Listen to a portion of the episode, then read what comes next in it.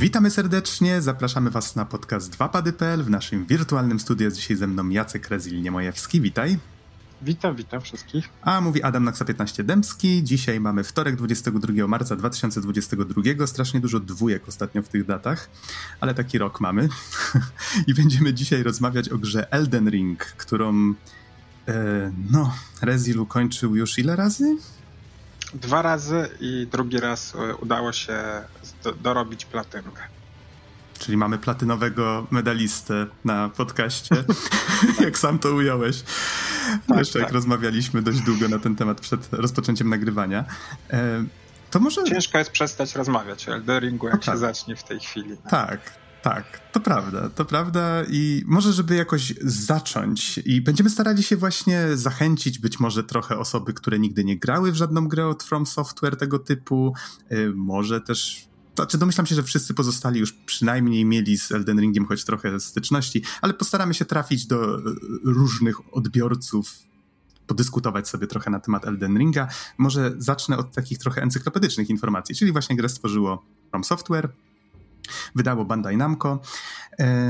Przy jej produkcji brał udział George R. R. Martin, ale to do tego jeszcze przejdziemy. Widzę, że Hidetaka Miyazaki tutaj wrócił jako reżyser, też jako jeden właśnie z pisarzy, tak?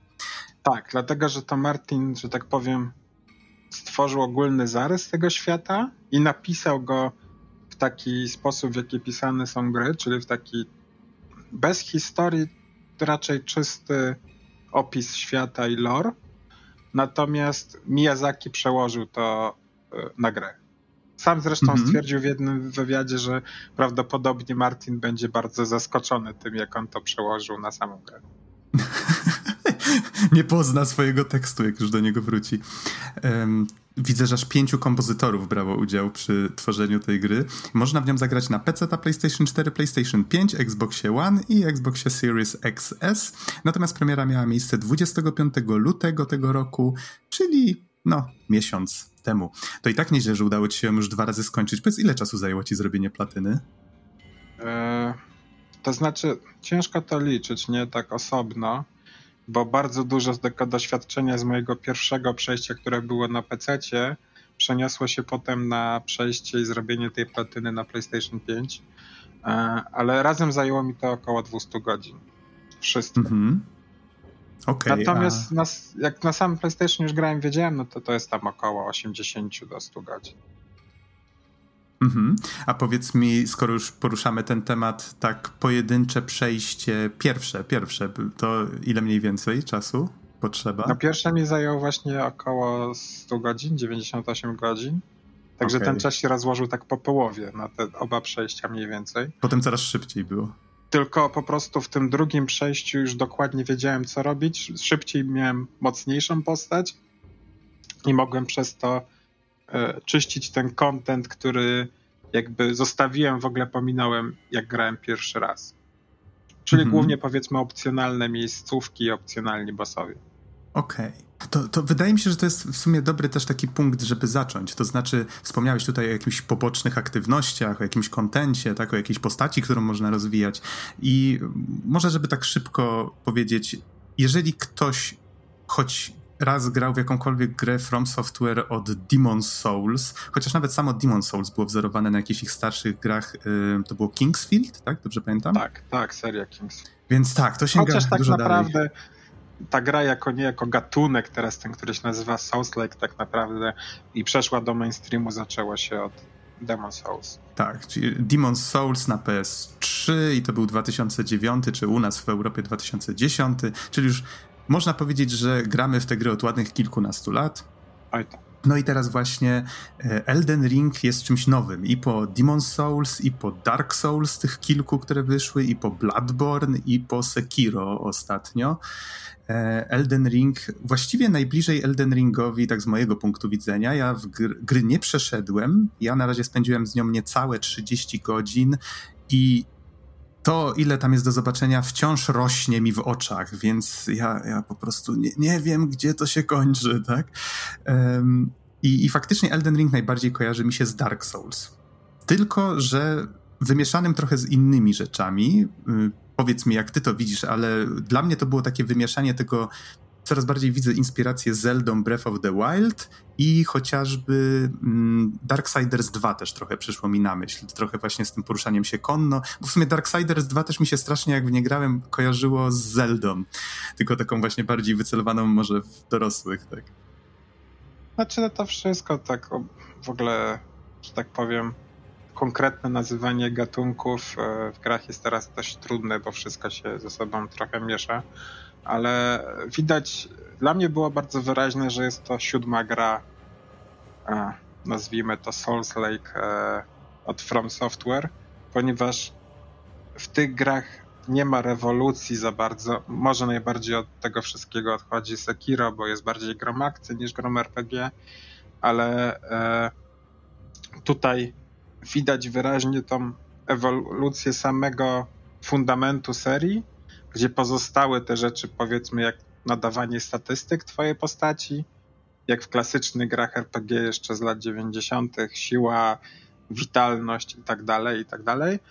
E, a do tego to, co jest największą rewolucją, to, co jest największym tutaj nowością, to jest ten otwarty świat, który został dodany do tej e, głównej, głównej, że tak powiem, e, filozofii tworzenia tego gatunku i tych gier szczególnie przez e, From Software i jak zobaczy się, nie wiem, choćby na Steamie czy wejdzie, to już tak naprawdę Dark Souls 1 był opisywany jako open world, ale ten open world, który mamy w Elden Ringu, to jest zupełnie jakby inna skala i inny sposób tworzenia otwartych światów, tak? Można powiedzieć, mm -hmm. że jest mhm. naprawdę otwarty chociaż to takie mm, bardziej mam, marketingowy zwrot. Tak, mam wrażenie, że tutaj w dużej mierze to jest kwestia e, umowna, jak właści co właściwie rozumiemy przez ten termin otwarty świat, tak? Bo tak jak mówisz, e, już przecież Demon's Souls też mogliśmy wracać do lokacji, w których byliśmy, prawda? Tylko, że to wszystko było takie odczepione od siebie. Mieliśmy jakiś tam jeden hub, mogliśmy się teleportować do jakiejś tam lokacji. Te lokacje były mniej więcej liniowe. Potem Dark Souls jakby połączyło ten hub z tymi lokacjami, już nie było tego teleportowania się, tylko faktycznie chodziliśmy mhm. między tymi wszystkimi miejscami i pamiętam, że level design był przecudowny w Dark Souls. Do dzisiaj strasznie mi się podoba właśnie ten element i w sumie żadna chyba kolejna gra w tej serii nie zrobiła na mnie aż takiego wrażenia, może nie dlatego, że jakby nie powtarzały tego wyczynu, tylko dlatego, że właśnie ten pierwszy Dark Souls na mnie wywarł aż tak duże wrażenie, że to zostało jako taka pierwsza gra z tej serii, która aż tak mi się podobała. A tutaj właśnie ze względu na to, że te połacie terenu są tak olbrzymie i faktycznie musieli wprowadzić aż to, to poruszanie się konno, żeby to miało jakikolwiek sens, to wszystko się tak bardzo fajnie spaja. Wydaje mi się, że tu można powiedzieć, że to jest zrobione w ten sposób, że możemy się poruszać właśnie po tym olbrzymim terenie, ale jak dotrzemy do jakiegoś czy to zamku, który widzimy na horyzoncie, mhm. czy do jakiejś krypty, czy do jakichś ruin i do nich wejdziemy, to nagle gra się zamienia w bardziej takie klasyczne e, Soulsy, bo poza jakby, jakby między tymi miejscami możemy się poruszać konno, możemy walczyć konno, więc ta gra nagle nabiera takiego trochę innego tempa, innego charakteru, jest to dość takie ciekawe urozmaicenie. Nagle ta gra robi się dość dynamiczna w wielu momentach. Na pewno, na pewno tym najważniejszym punktem, który odróżnia tą grę od poprzednich jest skala. Po prostu skala, która jest olbrzymia w tej grze i zaskakuje, tak jak mówiłeś, e, na każdym kroku do... Jest to też celowe działanie, bo ta mapa najpierw, którą się zbiera jest dosyć mała i potem jak trafia się do nowych regionów, to ona się rozszerza.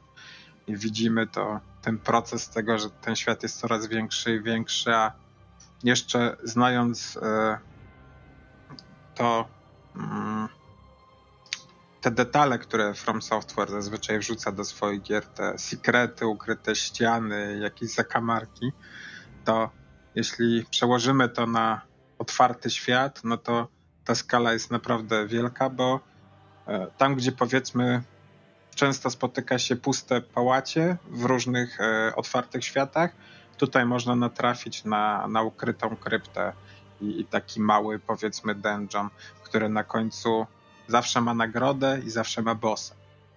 I, i, i, to dla fanów Soulsów też y, sam boss jest w pewnym sensie nagrodą, bo ten kombat jest mhm. tak przyjemny, że, że chętnie próbujesz za każdym razem swoich sił z nowymi przeciwnikami. Tak, i tutaj wraca to, co też jest integralną częścią tego no już gatunku, czy tej serii właściwie, czyli że możemy przyzywać na przykład innych graczy do pomocy, albo że gracze mogą na przykład nas zaatakować, tak? Na, nasz świat. Nagle się pojawiają w nim jako osoby, których zadaniem jest nas tak, powstrzymać. Znaczy, jak w każdej części są tutaj drobne ewolucje. Gra jest tak już nawet przed premierą było powiedziane, że jest to jakby najbardziej przystępna gra. Acz moim zdaniem też to jest chyba jedna z najtrudniejszych gier i to jedno nie wyklucza drugiego, bo hmm, chyba najbardziej ze wszystkich gier salsowych samemu można tutaj dobrać sobie poziom trudności. Znaczy, jeśli wiesz co robisz, wiesz gdzie iść, z kim walczyć, czy gdzie zdobywać te runy, które runy to są to samo co dusze w poprzednich częściach, czyli ta waluta, za którą się leveluje, to można bardzo, bardzo szybko stworzyć bardzo mocną postać i większość wtedy przeciwników i gry jest może nie powiem łatwa, no bo to jednak Soulsy zawsze możecie nawet najłatwiejszy przeciwnik w jakiś tam sposób pokonać, ale na pewno staje się dużo, dużo, dużo łatwiejsza. A jak się chce mieć ciągle ten challenge, to już można też nawet na Twitchu oglądać te skill runy na pierwszym poziomie, czy e, bez jakiegoś ekwipunku i tak dalej. I, i, i To mi to... przypomina pierwszą walkę z bossem, przy jakiej mi pomagałeś. Jak, jak, jak to nazwaliśmy? E, poziom trudności Nox Stream. Tak, tak. Gdzie, gdzie poszedłeś jeszcze nie mogąc levelować. Na, na pierwszego poważnego bossa tak. w grze, tak. Ale pokonaliśmy go. Hej, to było całkiem fajne. No, tak, tak, tak. No bo no bo można, tak? Można całą grę. Mówię, śmieję się z pierwszego bossa, ale w tej chwili e, na Twitchu ludzie przechodzą w ten sposób całą grę. Już, zresztą już zostało, już zostało zaklepane pierwsze na świecie przejście e, bez uniknięcia jakiegokolwiek ciosu. W sensie uniknięcia Jezu, chyba powiedziałem odwrotnie. Odwrotnie. Nie dania się trafić tak, ani razu. Tak, o, tak, tak, tak, o to mi chodzi. Mm -hmm, mm -hmm. No tak, to ludzie zawsze szalone rzeczy robili, od przechodzenia soulsów na matach tanecznych, te, po chyba pokonywanie bossów bananami już w tej chwili, ale to powiedzmy zostawmy jakieś no, takie... tak, dla mnie zawsze były takie szalone wybryki, e, bardzo przyjemne właśnie do śledzenia i do oglądania i mhm. też może to warto tutaj o tym wspomnieć ogólnie, że wyjście takiej gry jak Elden Ring trochę zmieniło kulturę grania też, bo kiedyś gry po prostu wychodziły i się w nie grało i to nie było doświadczenie zbiorowe, społeczne. I nawet, nawet już mówię o erze internetu. A w tej chwili jak wychodzi taki nowy tytuł jak Soulsy, to masz ludzie, którzy, ludzi, streamerów, których pracą zawodowo polega na tym, że przechodzą w różny sposób Soulsy, speedrunnery, skillrunnery, tak dalej. I teraz jak wychodzi nowa gra, to ja na przykład lubię bardzo szybko ją przejść pierwszy raz, żeby pozbyć się tego strachu przed e, spoilerami i móc oglądać, jak tworzone są te drogi dla speedrunów czy dla skillrunów, bo jest to dla mnie niesamowitą frajdą zobaczenie, jak ci gracze bezpośrednio walczą, powiedzmy, z designem tej gry, w sensie z tym, że chcą osiągnąć rzeczy, które w teorii wydawałyby się niemożliwe. E, oglądałem teraz takiego właśnie streamera Lobos Junior, jeden z bardziej znanych ze sceny soulsowej i wiele osób pomówiło, stary, niemożliwe jest przejść tą grę na pierwszym poziomie, to ci się nie uda, bo tu są tacy bossowie, co w ogóle latają, zabijają, no, nie jest to możliwe. I on wprowadzając w życie to, czego nauczył się na tym swoim pierwszym przejściu, stara się przechodzić na tym pierwszym poziomie i, i te wszystkie przeszkody pokonywać, często zmieniając kompletnie sposób, w jaki gra i buildy, w jakim gra. I, ta, I to, że ta gra jest takim sandboxem dającym te e, narzędzia i te możliwości, to też jest niesamowity wyczyn Elden Ringa. Tym sensie, że dużo większy niż to było z poprzednimi Soulsami, bo w poprzednich Soulsach był ten sandbox, tylko on był zamknięty w dosyć małej, ciasnej powierzchni. Tutaj przez to, że jest to open world i dużo więcej jest tych możliwości, ale też przez to, że ta ekipa jest tak doświadczona na tych poprzednich grach, powoduje to, że czujesz tą wolność nie tylko w taki sposób e, zwiedzania open worldu, ale też w taki sposób kreatywny. Ta kreatywność się wylewa z tej gry. Bo ojej, no nie mogę zabić od pięciu godzin bossa, bo mam akurat build, który polega na tym, że wykrwawiam przeciwnika. A w tym momencie mogę szybko zmienić ten build, gra daje taką możliwość i na przykład tworzyć build, w którym usypiam przeciwnika i on zasypia na minutę, jest taki efekt i wtedy można go bić, kiedy śpi i tak dalej.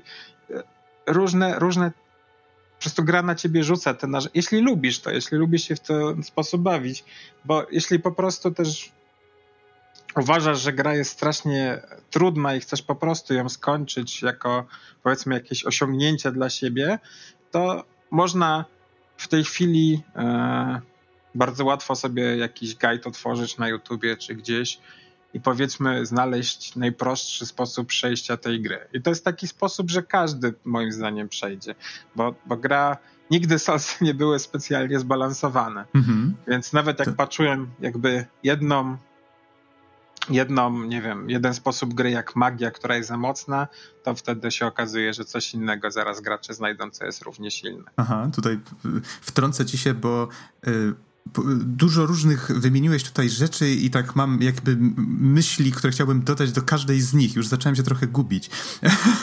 no tutaj wspomniałeś, a, a, warto by było chociażby powiedzieć trochę może o lore, o świecie i tak jakby dopiero potem przejść do tych bardziej mechanicznych rzeczy, ale, ale okej, okay, to już może, może tak wracając do paru rzeczy, o których wspomniałeś. Znaczy, Czyli dla przykład... wielu wydaje, mm -hmm. przepraszam, że ja ci teraz wchodzę, ale no. tylko szybko powiem, że dla wielu wydaje mi się, że tutaj są też te dwie strony, nie? Że lore y, i świat jest bardzo ciekawy dla wielu graczy, graczy, bo to też jest takie wspólne community, doświadczenie ułożyć z tych puzli, co tak naprawdę się dzieje, ale też ta, wydaje mi się, większa ilość e, fanów i graczy Soulsów to są jednak gracze, nie chcę tego brzydko nazywać mechaniczni, ale tacy, którzy e, pokazują tą swoją kreatywność właśnie przez mechanikę tej gry. Mhm, czyli na zasadzie, że e, faktycznie wybierają sobie różne statystyki, dobierają do tego odpowiedni sprzęt tak jak mówisz, robią, grają w jakiś konkretny sposób, tak? Um, przy czym tutaj chciałem zwrócić uwagę na coś innego, to znaczy um, wspomniałeś chociażby o tym, że świat gry, też możesz go zwiedzać, że co chwila jest coś do znalezienia. Tutaj warto zwrócić uwagę na to, że to nie jest taki e, open world, jak nas przyzwyczaił właśnie chociażby Ubisoft, tak, że jest masa ikonek na, na mapie, chociaż też się ich w pewnym momencie trochę pojawia, ale to nie jest tak, że gra nam cokolwiek zaznacza. Tutaj faktycznie nie przez przypadek powiedziałem, że Inspirację czerpano prawdopodobnie również z Zelda Breath of the Wild, którą bardzo chwalono za to, że gracz sam czuje się jak odkrywca. To znaczy, te wszystkie rzeczy, które znajduje w okolicy, powiedzmy, wychodzimy gdzieś tam na jakąś wielką przestrzeń, rozglądamy się i fenomenalnie, pierwsza rzecz, jaka jest zrobiona fenomenalnie, to to, że od razu widzimy bardzo dużo charakterystycznych rzeczy w okolicy. O, tam jest zamek, Tutaj widzę jakieś olbrzymie drzewo. To jest w ogóle taki motyw, który się przewija przez całą grę. Jest olbrzymie drzewo, takie złote, y, górujące nad całym światem właściwie, które wygląda przepięknie i, i widać je zewsząd. Gdziekolwiek nie jesteśmy, to jest taki nasz świecący y, punkt dzięki któremu wiemy zawsze, gdzie jesteśmy. Tak, pozwolę sobie tutaj mm -hmm. dodać taki mały, może urozmaicie to też recenzję, troszeczkę taki małą triwię, że już dla osób e, grających i, i też, żeby pokazać ten, e, te detale w grze, to kiedy to drzewo ma, bo w grze zmienia się pora dnia i pogoda. To też jest I ważne, kiedy, bo tego nie było wcześniej. W tak, takiej, i kiedy na skali. przykład mhm. jest pora na to, że to drzewo akurat powiedzmy o konkretnej porze dnia spadają liście, to gracze dostają w tym momencie buffa którzy są na świecie. Ponieważ e, o, nie, nie... jest to spowodowane, wyjaśnione w lorze, czemu się tak dzieje, Aha. ale e, jest to bardzo fajny efekt i też na przykład pogoda wpływa na efekty magii. Czyli jak jest, e, pada deszcz, to czary ogniste działają słabiej. A, i I takie no, Aha, drobne, to... drobne detale. Ciekawe, ciekawe. Nie zwróciłem na to uwagi, chociaż tutaj faktycznie w Breath of the Wild, którego też nie przeszedłem, ale zacząłem niedawno. Tam, tam też, też faktycznie widać właśnie takie rzeczy, takie um, elementy, gdzie faktycznie frajdę czerpie się ze znajdowania ich. Że jakby, jak to chyba... No surfer... jesteś odkrywcą, jak sam powiedziałeś. Tak, tak, tak, tak. Na zasadzie, ja pamiętam chyba surfer w jakiejś recenzji albo materiale właśnie o Breath of the Wild u nas na podcaście wspominał już kilka lat temu, że to jest fenomenalne według niego, że grając w Breath of the Wild co chwila znajdujesz coś nowego i, i jak już się o czymś dowiesz, odkryjesz coś, to jest takie, a, no, no tak, faktycznie, to jest zupełnie logiczne, ale gdyby ktoś ci, że, że albo inaczej, żeby może nie robić masła maślanego z tej myśli. On chyba użył te, te, takiego sformułowania, że bardziej da się zaspoilować te rozwiązania w grze, jakby ktoś ci powiedział, co mhm. można robić jak, to zepsułby ci zabawę bardziej, niż jakby ci powiedział, co się fabularnie w tej grze dzieje. I być, tak, bardzo być dobra, może, dobra, dobra myśl. Tak, i być może właśnie Elden Ring działa bardzo podobnie, bo tu fabuły jako takiej nie ma zbyt wiele, to już też dyskutowaliśmy przed nagrywaniem.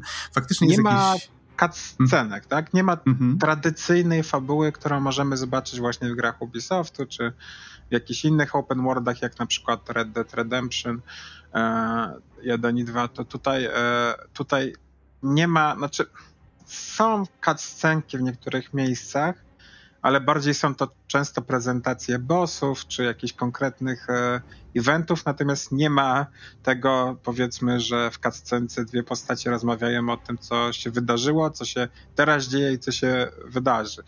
E, są, jest tu fantastyczne budowanie świata, właściwie budowanie własnej, oryginalnej mitologii opartej troszkę na mitologii nordyckiej, ale tak naprawdę bardziej czerpiącej pewne motywy, natomiast cały świat jest szalenie oryginalny e, i, i ciekawy. Natomiast tak, e, ciężko zaspoilerować tę grę, ponieważ sama historia, główna historia jest dosyć prosta i chyba pierwszy raz przynajmniej ja miałem takie wrażenie, że kończąc grę wiesz dokładnie co się wydarzyło i o co chodziło, bez oglądania potem e, WAD Vidi i różnych explain video.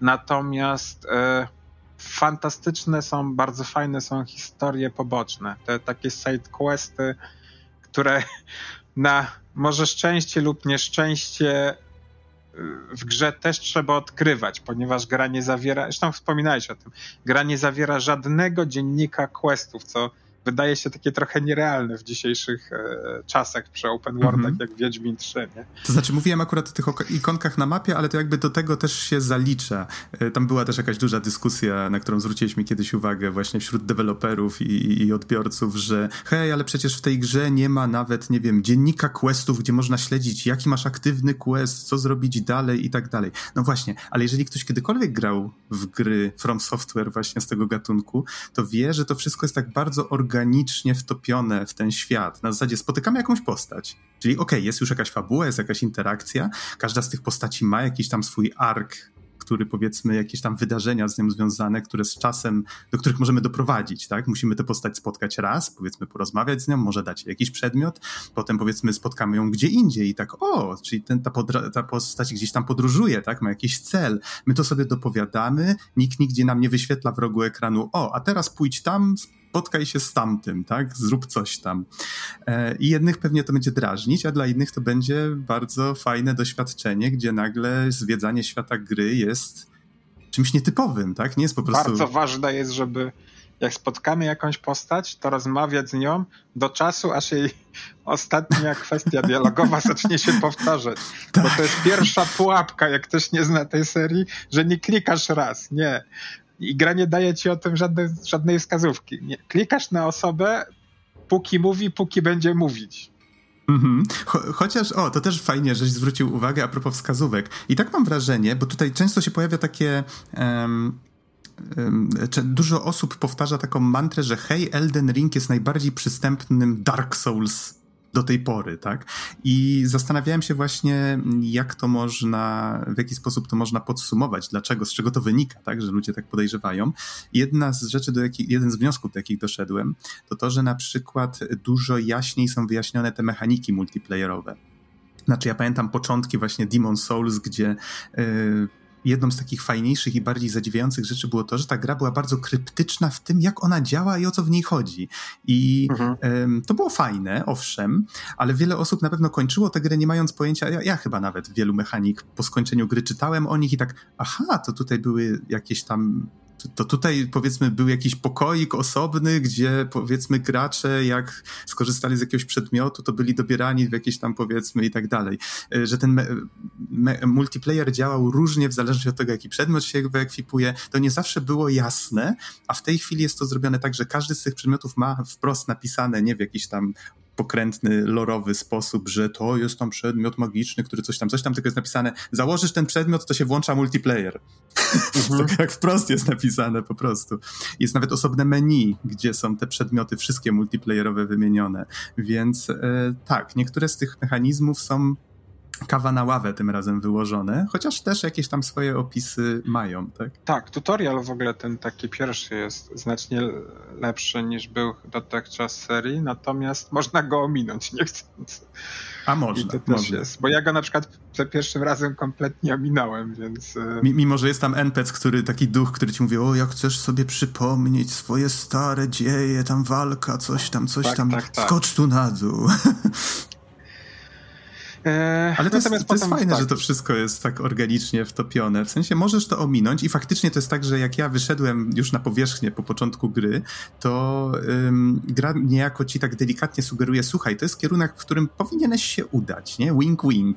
Ja poszedłem w zupełnie inną stronę i potem bardzo tego żałowałem, bo gra mnie gdzieś tam fu, wywaliła gdzieś w miejsce, którego zupełnie się nie spodziewałem, że, że aż, tak, a, aż tak mi skopie tyłek.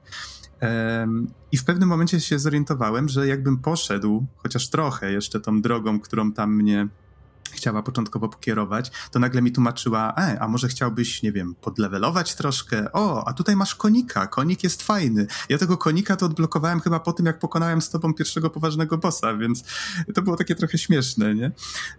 tak, to jest akurat, nie chcę tu może, nie wiem, ktoś to może uznać za spoiler, nie chcę tu zdradzać, na jakiej zasadzie działa to, o czym mówisz, bo nie da się tego ominąć. W końcu jakby gra da ci tego konika i da ci możliwość levelowania. Natomiast to też jest tak dosyć sprytnie rozwiązane. Natomiast może nie, nie, nie też nie będę opowiadał o tych wszystkich e, magiach, które się tam dzieją mm -hmm. w tej grze. E, natomiast to, co też mówisz, ja bardzo lubię, bo to e, bo akurat ja za swoim pierwszym przejściem poszedłem tą powiedzmy kawałek tą drogą, którą powinienem. Potem odszedłem mocno i tutaj są nawet takie fajne sytuacje, gdzie gra przenosi cię w jakieś inne miejsce niespodziewanie i e, na dużo trudniejszy obszar niż powinieneś w danym momencie być na swoim levelu. I wtedy to też jest taka, przynajmniej dla mnie, fajna przygoda, żeby zbadać ten region nie walczyć, ale przeżyć, zmapować go sobie w głowie, o ile nawet nie zdobyć prawdziwej mapy, to zmapować sobie go w głowie i zobaczyć, o, tutaj wypada kamień, który daje mi ulepszenie siódmego poziomu. No to fajnie wiedzieć o tym. Dobrze sobie to zapamiętać, bo jak będę na szóstym, to będę wiedział, gdzie przyjść, żeby zdobyć to ulepszenie siódmego. Więc ogólnie takie. I w ogóle też za drugim przejściem dopiero to odkryłem, że tak naprawdę jest bardzo, bardzo niewiele regionów, które są zablokowane do samego końca. Jest, jest ich tylko parę i te, które nawet wydawały mi się zablokowane tak kompletnie, ponieważ powiedzmy, żeby się do nich dostać, trzeba zdobyć jakiś przedmiot fabularny, to potem odkryłem, że o, o kurczę, jest jednak ścieżka gdzieś tam z tyłu, gdzie można do tego miejsca też dojść bez tego przedmiotu. Więc to jest fantastycznie zrealizowane, że ta eksploracja jest mega ciekawa, bo czujesz, że odkrywasz jakieś takie sekrety, takie miejsca, gdzie właściwie troszkę się czujesz, jakbyś oszukiwał samych twórców gry. Gdzie oni mówią, no nie, jak chcesz tam wejść, to musisz znaleźć klucz do drzwi a ty mówisz, no, no może jak zeskoczę z góry na murek, to, to uda mi się, tak? Albo coś takiego. O, o, o, I... można skakać. Można tak. skakać, zapomnieliśmy o tym powiedzieć. Price the jumping. Można, było skakać w poprzednich salsach, ale tak. było to trochę... To było to pokrętne, to znaczy można tak. było w niektórych na przykład trzymając przycisk biegu, nacisnąć go w trakcie biegu jeszcze raz i wtedy postać skakała. Teraz mamy pod X-em prawilne podskoczenie w miejscu. I nawet nieraz tak. się spotkałem z tym, że przyzywam kogoś do pomocy i jak pokonujemy bossa, to co robimy? Podskakujemy sobie w miejscu. Just for fun.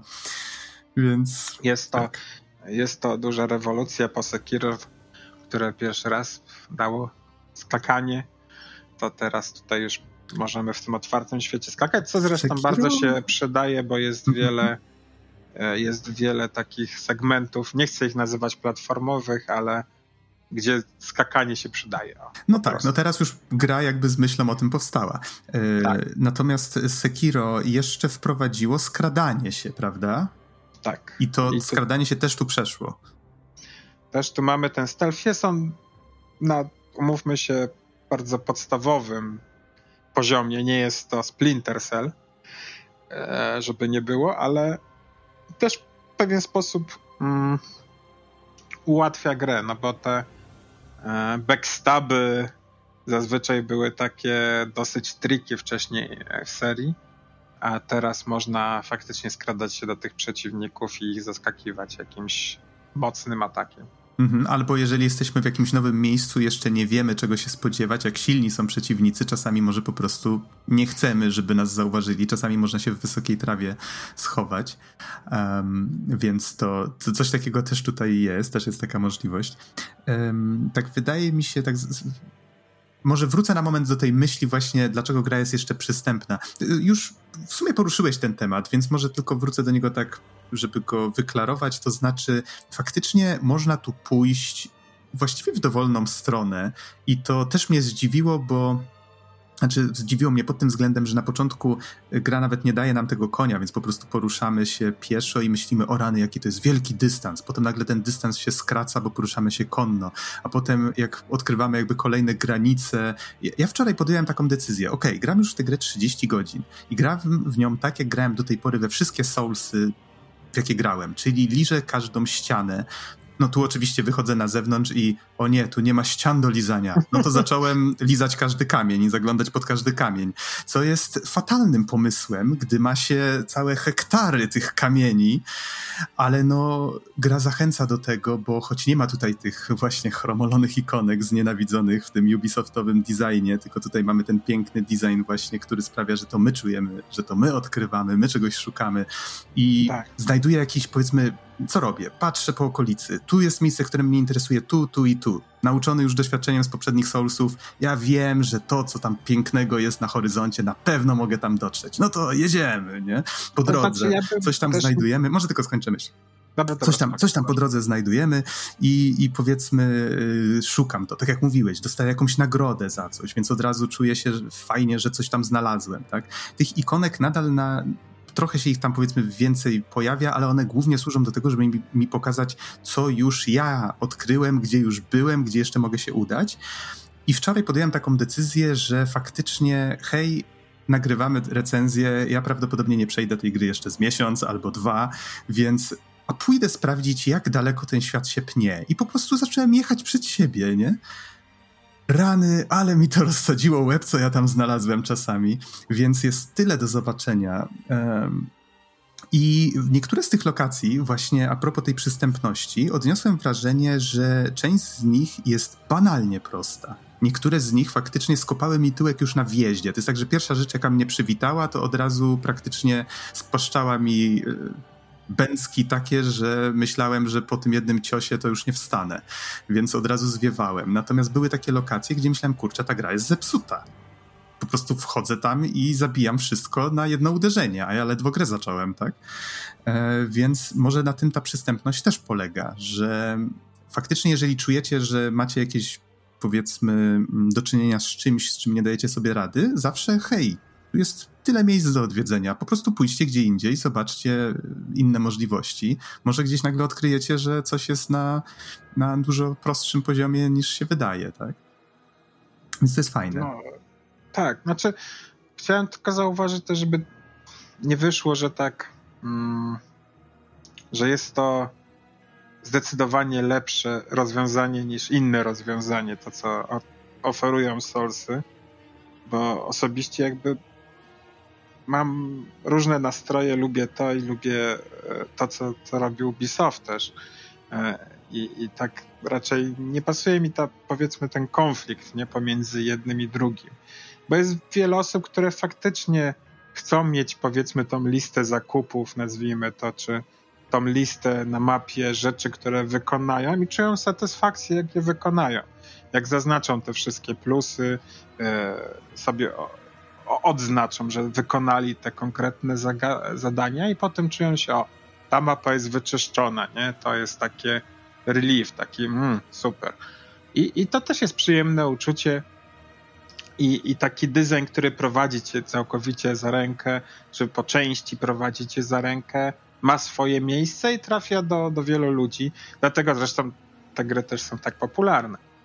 Natomiast super i chyba najważniejsze jest to, że jest jakaś alternatywa, że jest jakieś inne, inna droga. Jest to droga, gdzie nie ma tego trzymania za rękę, gdzie ty jesteś odkrywcą, ty jesteś sobie kompasem i ty mówisz, dzisiaj realizuję to, zrobię tą fortecę.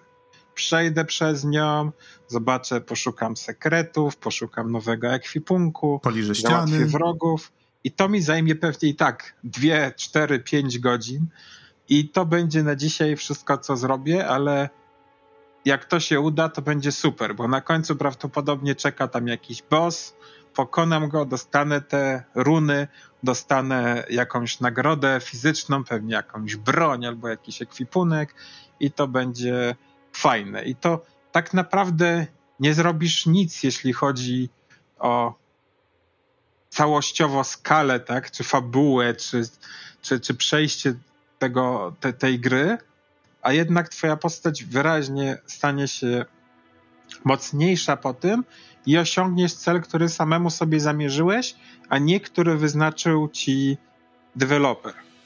I jedno i drugie mówię, podejście jest spoko. E, akurat te solsowe e, w tej chwili mi się bardziej e, podoba.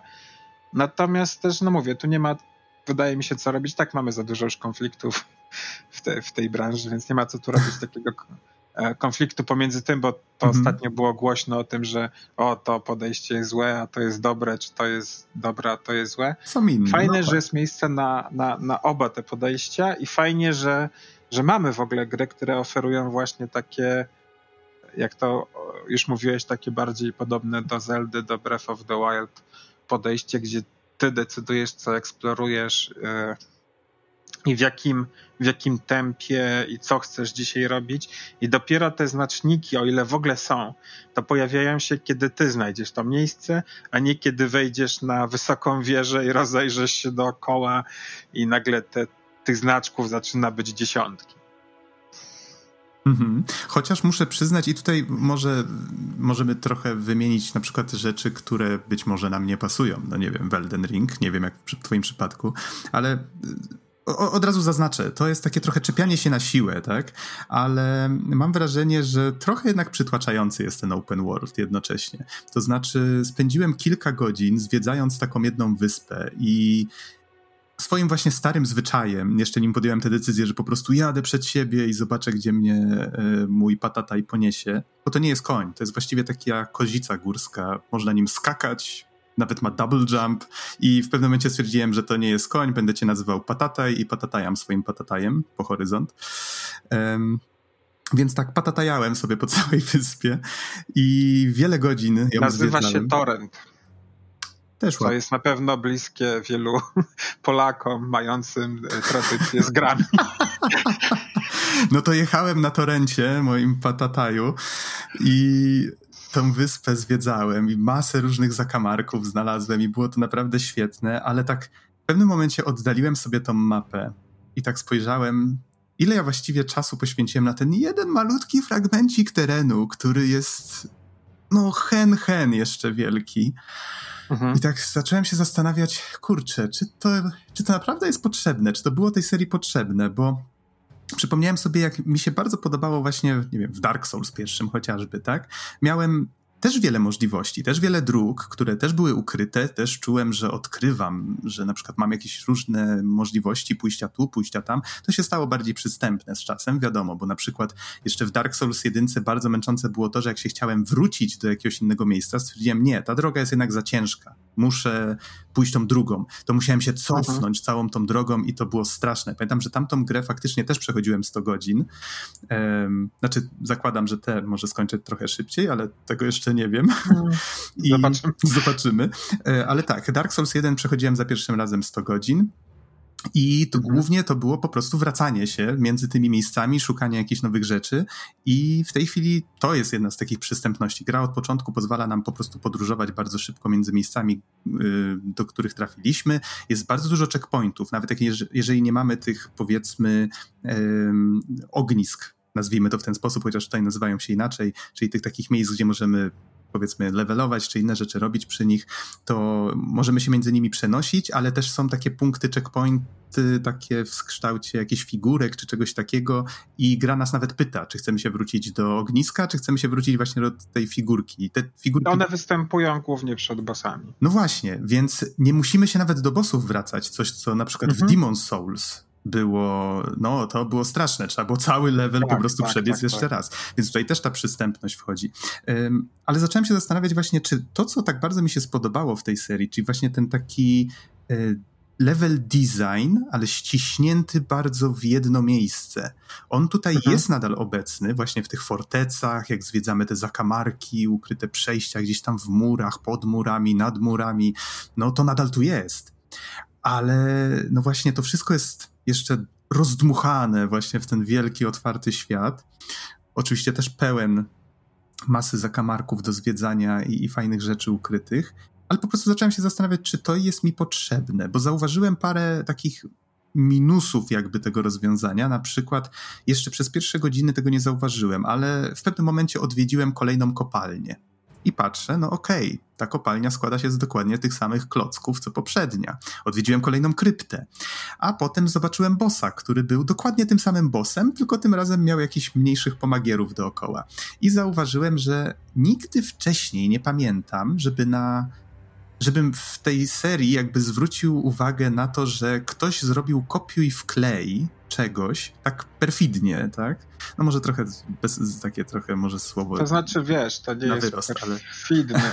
To znaczy, w tej chwili to, o czym mówisz, dobrze, że o tym mówisz, no. bo to jest bardzo żywa dyskusja w, w community salsów. Yy, I ona nie ma nie dzieli ludzi, ponieważ nie ma tu odpowiedzi tak lub nie, tak?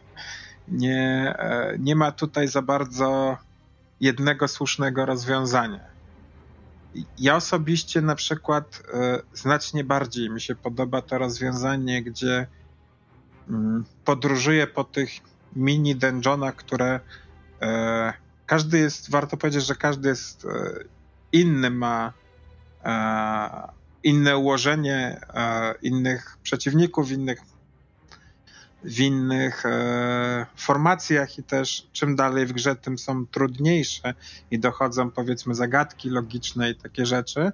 Natomiast można powiedzieć, że e, jakby sam samo, sam klimat tych miejsc, tak, i to jak wyglądają jest taki sam, tych krypt, tak jak mówiłeś, tych kopalni, E, natomiast oferują, każda oferuje co innego, jeśli chodzi o przeciwników, jeśli chodzi o co tam można znaleźć, jakich bossów i tak dalej.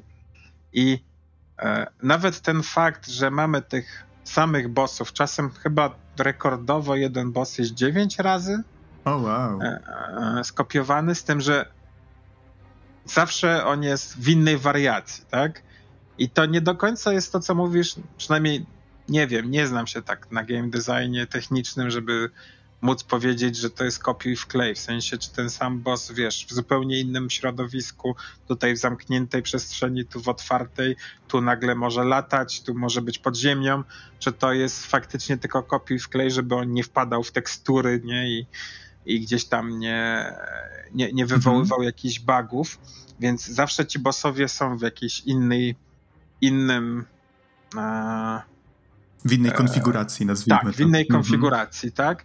I dla mnie to jest na przykład fajne, bo jak często pokonam bossa, szczególnie za pierwszym razem, to prawie, że jest to dla mnie fart, jakiś tam łód szczęścia. Że ja miałem już bardzo mało HP, on już. Yy, byliśmy tak, wiesz, na jeden cios, na dwa, i ja go pokonuję i się cieszę, że jest pokonany. Natomiast nie czuję wtedy za bardzo, że go pokonałem powiedzmy w ten sposób, co bym chciał, tak? Że nauczyłem się tego bossa, że nauczyłem się tej mechaniki, a w, ja już przechodząc pierwszy raz mam po poprzednich doświadczeniach z serią, wiem, że będę przechodził kolejne razy te gry i że e, dużo większą frajdę mam zawsze za drugim przejściem, bo pierwsze przejście to jest takie błądzenie dla mnie po ciemku.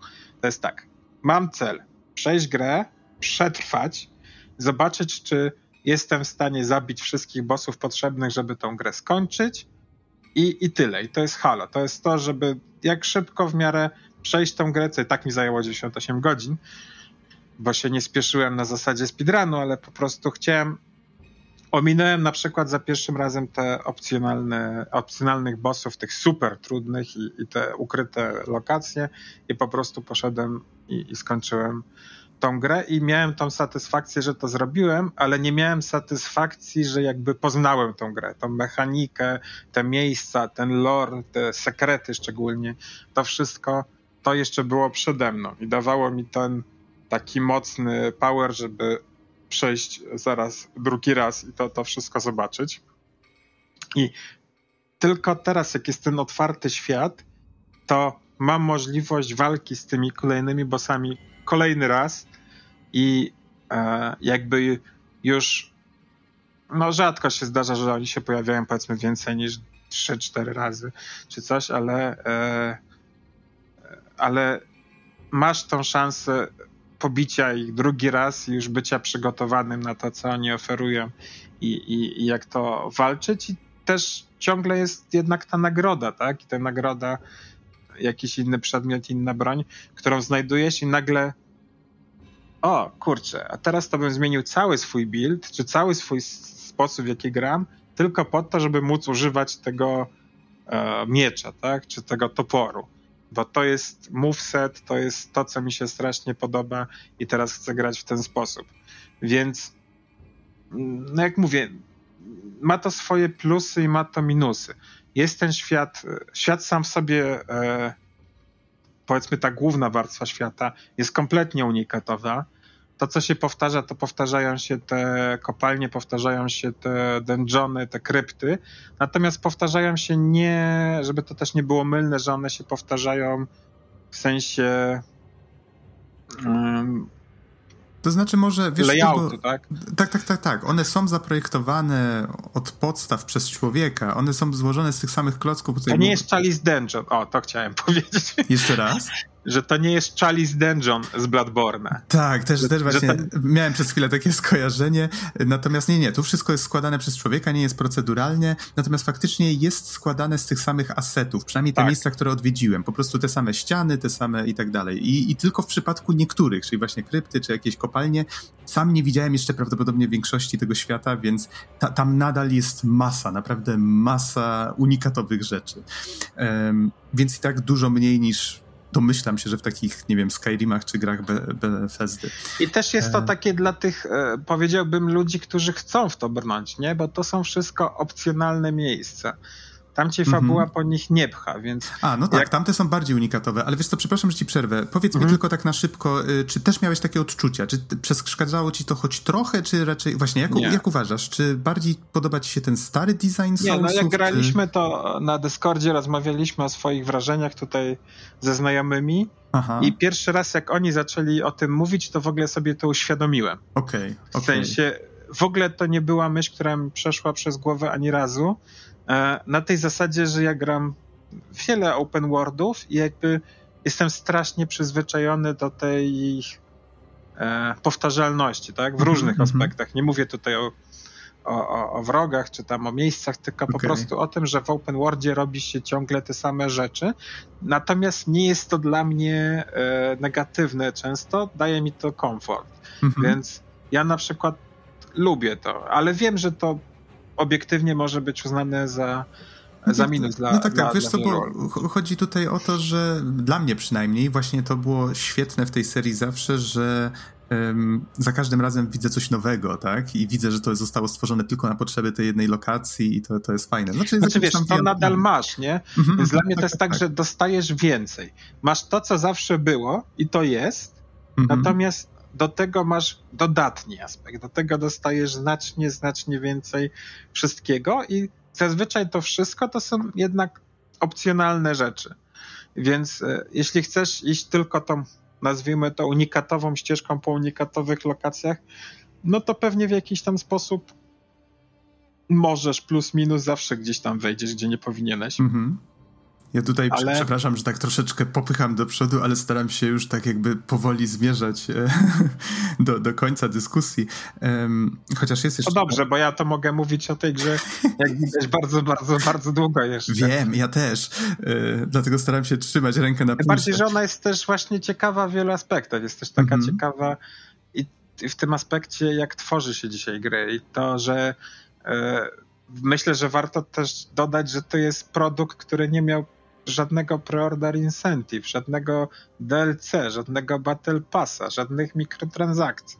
W przeciwieństwie do single-playerowych gier, mm-hmm. które w tej chwili są, do gier open world, tak? I odniósł Tam, gdzie... bardzo duży sukces, przepraszam, że się tak. wtrącę w słowo, Dwa, ponad 12 milionów osób już kupiło i to jest ponoć um, w tej serii wynik nie pamiętam już, yy, gdzie znalazłem te informacje, ale, ale że, że ponoć tam do którejś części włącznie yy, można by powiedzieć, że, że ta seria nie miała w ogóle łącznie nawet takiego tak, wyniku. takiego wyniku. Tak, tak, tak. Chyba ostatni był Sekiro i on sprzedał się w 4 milionach czy coś takiego, ale nie jestem pewien, więc też nie chcę tutaj podawać konkretnych liczb, tak, więc to, jest, więc to jest szaleństwo po prostu, jeżeli o to chodzi. Ale wracając do tego pytania, na które mi nie odpowiedziałeś, czyli czy ty wolisz właśnie tak już po przejściu Elden Ringa e, jednak takie Dark Soulsowe podejście do level designu, takie bardziej ciasny, mniej open worldowy, troszkę bardziej rynnowy, czy jednak ten Elden Ring cię przekonał i jednak trochę tego jeżdżenia tym konnikiem? Nie, no Elden Ring mnie całkowicie przekonał. Okej. Okay.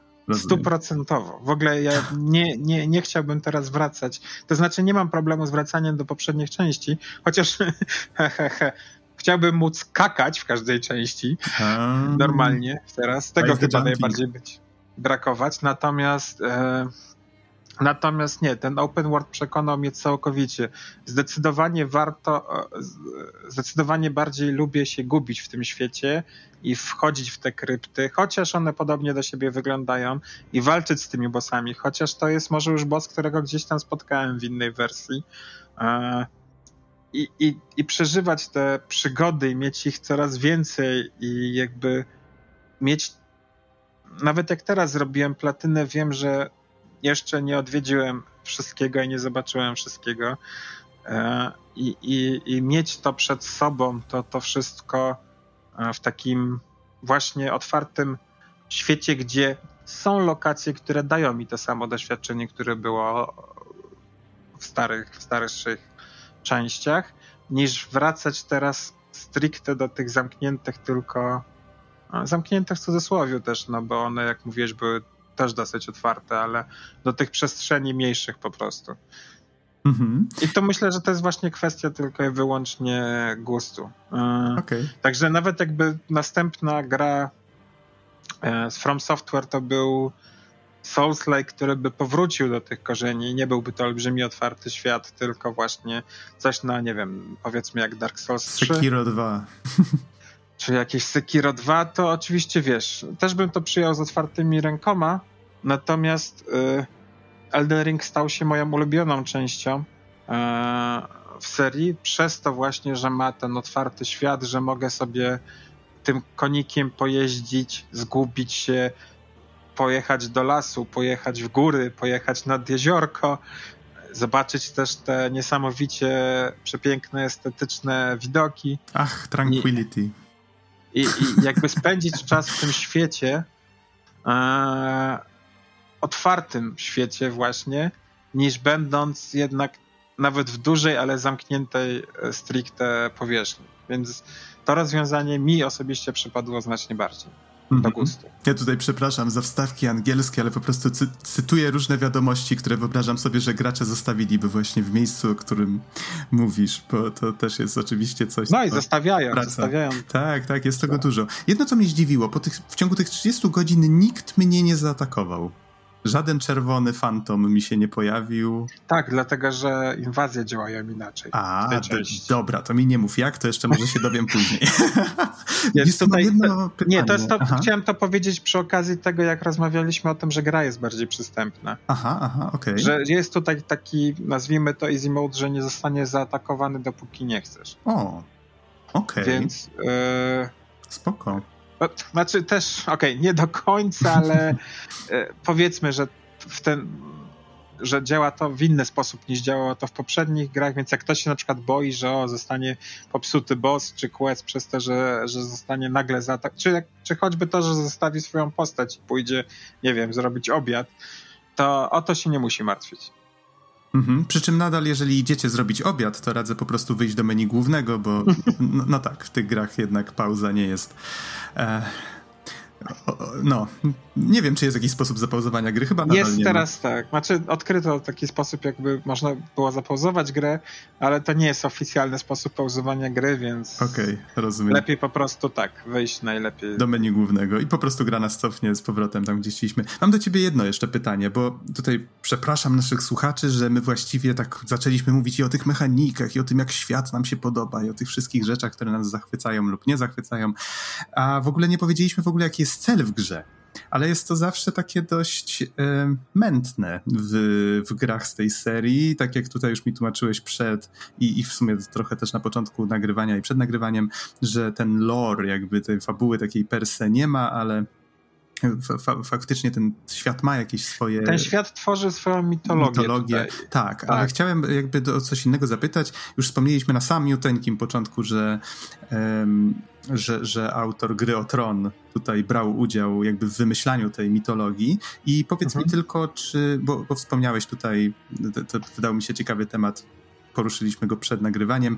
Czy uważasz, że faktycznie jego wkład tutaj coś zmienił na lepsze, tak? Czy, czy może nie masz jakiegoś bardzo rozbudowanego zdania na ten temat? Czy... To znaczy, no, ciężko się wypowiadać nie wiedząc i nie dowiemy się na pewno. Co dokładnie napisał. Co, no, do, no tak. co, do końca, co dokładnie jakby z, było jego e, jego pracą tak, przy tym projekcie, a, a co dokończył Miyazaki. E, natomiast e, wydaje mi się, że widać, to znaczy mm, tak jak pisze E, Martin, to on bardzo lubi osadzać te światy fantazy w prawdziwych światach, w sensie w prawdziwych konfliktach, w prawdziwych, nie wiem, politycznych potyczkach, historii i tym, co było. One, e, one są takie przez to bardziej realistyczne e, niż na przykład u Tolkiena. Natomiast, chociaż on jakby jest uczniem Tolkiena w tym sensie, że bardzo się nim inspiruje przez całe życie i, i, i tego Tolkiena nawet trochę bym powiedział widać w Elden Ringu. E, dzięki właśnie Martinowi, jego wkładowi. Natomiast też e, te kwestie takie bym powiedział mitologiczno-historyczne najbardziej wydaje mi się, że to jest właśnie jego wkład. Jest coś takiego, że na przykład e, ważne postacie mają podobne do siebie imiona i wszyscy się mylą tam jest melina, malina i tak dalej. Jak pierwszy raz grasz, to wszystko ci się prawdopodobnie w głowie strasznie miesza, bo one brzmią podobnie. Godric, Godfrey, God, coś tam jeszcze i tak dalej. I to na przykład wynika bezpośrednio z tego, że właśnie u Martina to samo było w grze o Tron, że e, w królestwach kiedyś następcy mieli albo to samo imię, albo podobne imię. W jednym rodzie, w jednej linii, że tak powiem rodzinnej. E, I tutaj to zostało wyraźnie przeniesione. Jestem praktycznie pewien, że to jest jego wkład, jego pomysł. E, jak on tutaj budował te rody i te strony, e, które, które występują w Elden Ringu. I to, że też bardzo fajnie kiedyś w Soulsach było tak, że można było sobie dopowiedzieć wiele rzeczy i mam wrażenie, że czasem trochę za dużo. Tutaj ten świat jest bardzo fajnie i dokładnie opisany, e, bardziej niż, niż to było wcześniej. I też mi się wydaje, że to jest właśnie dzięki temu, że był ten fundament, który stworzył Martin, to Miyazaki budował na nim e, resztę tego świata i to, jak to przekładał do, do gry. I wszystkie te, bym powiedział, takie bardzo przesadzone wątki, to jest to, co dołożył Miyazaki. Tak mi się wydaje przynajmniej. Te takie bardzo abstrakcyjne wręcz koncepty. Tutaj nie chcę wchodzić w szczegóły, bo to można by uznać za spoilery. Szczególnie pod koniec gry bardzo atmosfera jej się zmienia. Natomiast e, wszystkie te takie średniowieczno fantazy, motywy, to, że ten świat się, że tak powiem, fajnie składa i trzyma i są te relacje między postaciami dosyć wyraźne, jak się je e, jak się na nich skupić, a szczególnie bardzo fajne historie poboczne e, w tych questach, to to jest chyba zasługa Martina. No ale niestety mhm. nie do końca się dowiemy, no bo jakby nie ma spisu, co stworzyła jedna osoba i co, co druga. Rozumiem. Ale i tak fajnie, fajnie że żeśmy troszeczkę Na pewno czuć tam tą, grą, tą grę o Tron, Tolkiena trochę. Czuć to takie, powiedziałbym, jeszcze bardziej zachodnie fantazy niż mm -hmm. to było wcześniej, bo wcześniej to wiadomo, japońskie gry, a bardzo taki zachodni mają ten, ten cały wizerunek swój, a tutaj wydaje mi się, że jeszcze bardziej to troszkę czuć. Okay, Szczególnie w budowaniu okay. świata. no dobrze, to wydaje mi się, że chyba moglibyśmy na tym temacie wspomnieć, yy, skończyć, chyba, że chciałbyś, tak, chyba, że chciałbyś jeszcze o czymś wspomnieć, czy o czymś zapomnieliśmy? No mówię, czy... ja to mogę mówić i mówić. To, jest ten, e. znaczy, na pewno, na pewno wydaje mi się, że oboje możemy, obaj możemy się zgodzić, że, że grę polecamy. Mhm. E, I że e, ja, ja, ją, ja, ją, polecam, ja ją polecam, pozwolę ci skończyć um, twoją myślą jakby cały odcinek, ja tylko wrzucę swoją taką taką na pół na pół, to znaczy ja faktycznie polecam tę grę, to jest świetna gra, ale z drugiej strony, po tych kilkunastu latach grania w te gry From Software, ja już podchodzę do nich trochę tak bez większych emocji. To znaczy, gram i czerpię z tego niesamowitą przyjemność, ale jak ta gra wychodziła, to byłem tak neutralnie nastawiony. Na zasadzie, o, fajnie. Elden Ring, okej, okay, kolejna Dark Souls, here we go again. I to nie wiem, czy to Sekiro sprawiło, czy, czy to ja po prostu się taki jakiś oziębły zrobiłem wobec tej serii. Eee, to nie wiem, sam, dla, dla mnie samego jest to trochę takie nielogiczne podejście z mojej strony. Nie jestem do końca pewien, z czego to wynika. Natomiast domyślam się, że jeżeli komuś już po prostu faktycznie już grał w te wszystkie Soulsy, wie ile czasu i energii i pasji trzeba w to poświęcić, żeby je na przykład ukończyć. Tu faktycznie jest to przystępniejsze, jest to prostsze, ale to jest nadal olbrzymia, być może nawet największa z tych wszystkich gier. To jest zdecydowanie największa. No, no też właśnie. Więc jeżeli y, jesteście tak jak ja, osobą, która liże każdą ścianę i zagląda pod każdy kamień, no to może warto zastanowić się trzy razy przed zaczęciem grania w to, bo może być ciężko, tak? To może być jedyna gra, jaką przejdziecie w tym roku, koniec końców. To znaczy, no... Więc, więc tak, są, są po prostu, chciałbym tylko zwrócić uwagę na to, że są mhm. pewne minusy. To jest świetna gra, ale to tylko od was zależy, czy faktycznie jest to gra dla was, bo nie jest to gra dla każdego. O, może takim wnioskiem ja zakończę i teraz oddam głos tobie. Nie no, znam też graczy, którzy doświadczać gry lubią wcale nie mają na celu ich przechodzenie. To jest taki Atmosfera trochę koncept. jest świetna, to prawda. To jest taki trochę koncept, wydaje mi się, jeszcze z lat 90., przynajmniej dla mnie, że musisz zakończyć każdą grę, tak? Jak, jak to jest twój zawód, jak jesteś recenzentem, to tak, powinieneś zakończyć tę grę zanim, tak jak obejrzeć film, zanim napiszesz recenzję. Natomiast e, jeśli jesteś graczem i grasz dla frajdy i nie narzucasz sobie jakichś e, wygórowanych celi, to można po prostu potraktować to, że spędzisz kilka dzień, dni w bardzo fajnym, mrocznym świecie e, fantazy otwartym, gdzie y, zabijesz sobie smoka albo, albo zdobędziesz jakiś fajnie wyglądający, fajnie wyglądającą zbroję i miecz i tak dalej, tak? E, bo skończenie Soulsów to już jest pewien cel i taki i takie faktycznie wyzwanie, tak? To też mieliśmy paru takich znajomych, tu jeden znajomy na Discordzie, na kanale e, naszym e, bardzo miał wielką satysfakcję i jakby strasznie się cieszył tylko z faktu, że udało mu się tą grę e, w minimalnym powiedzmy stopniu, ale zakończyć, że przeszedł Elden Ringa. To już było, to już był po prostu jakiś achievement dla niego konkretny. I, i, i, coś, coś osiągnął. I ta satysfakcja istnieje jak w mało której serii, przynajmniej e, mówiąc e, osobiście, że, że masz tą satysfakcję ja to lubię pociągnąć troszkę dalej do tych najtrudniejszych. Podobnież, to też jest kwestia dyskusyjna, ale e, podobnież właśnie w Elden Ringu jeden z tych opcjonalnych bossów to jest najtrudniejszy boss serii. Acz jak wychodzi nowa gra, to tak mówię o każdym, że tak powiem, z tych najtrudniejszych bossów, którzy tam zawsze gdzieś ukryci są. A potem ktoś go pokonuje tańcząc na macie. No tak, ale pokonuje go tańcząc na macie jedna osoba na świecie albo często może dwie, tak, ale nie więcej, więc to no też nie należy.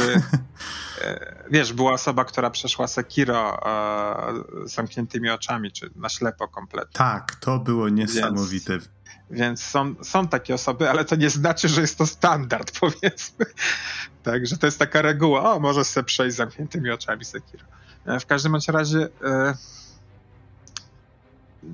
dla mnie ten gol jest właśnie taki, żeby zobaczyć to wszystko, poczuć, nauczyć się tych e, mechanik, tych bossów, na tyle, żebym ja miał możliwość używania tych narzędzi, tej zabawy, bo tutaj dla mnie tkwi ta największa zabawa, gdzie ja mogę sobie kreatywnie stworzyć build, który uważam, o kurczę, to będzie tak mocny build, że załatwię nim wszystkich. I w ogóle, ha, deweloperzy nigdy nie wpadli na pewno, żeby połączyć tak te umiejętności i ten ekwipunek, bo co oni wiedzą, nie? Ja, ja, ja wiem, ja to ten. I oczywiście tak się śmieję, ale na tej zasadzie e, umysł nie zaczyna pracować na tej zasadzie, że chcesz to, chcesz tak jak odkrywasz teren, czy odkrywasz te sekrety, to chcesz też odkryć w mechanice te, te rzeczy, które sprawią, że ta gra będzie łatwiejsza, że możesz potem prawie jak taki chłopiec w szkole podstawowej pójść do kolegów i powiedzieć: Słuchajcie, ha, wy nie wiecie, ale Sekiro da się przejść używając tylko dwóch podstawowych mieczy, jeśli zrobisz to i to, nie? I tak dalej. I, e, i mieć, mieć tą satysfakcję, że się to odkryło, że się zrobiło, czy choćby, że się pokonało tego super opcjonalnego bossa. I to, to, to, to daje takiego wewnętrznego, wewnętrznego powera. Przynajmniej mówię, w moim odczuciu tak jest. I to, że teraz Elden Ring zaprezentował ten otwarty świat, to po prostu otworzył dla ciebie wrota tych wszystkich możliwości. Znacznie, znacznie szerzej niż to było e, do tej pory. Więc może w ten sposób bym zakończył, że to, to robi dla mnie to, to wielkie wrażenie i jeśli ceną tego jest to, że paru bossów się powtórzy i parę miejsc będzie do siebie podobnych, to to jest dla mnie niewielka cena.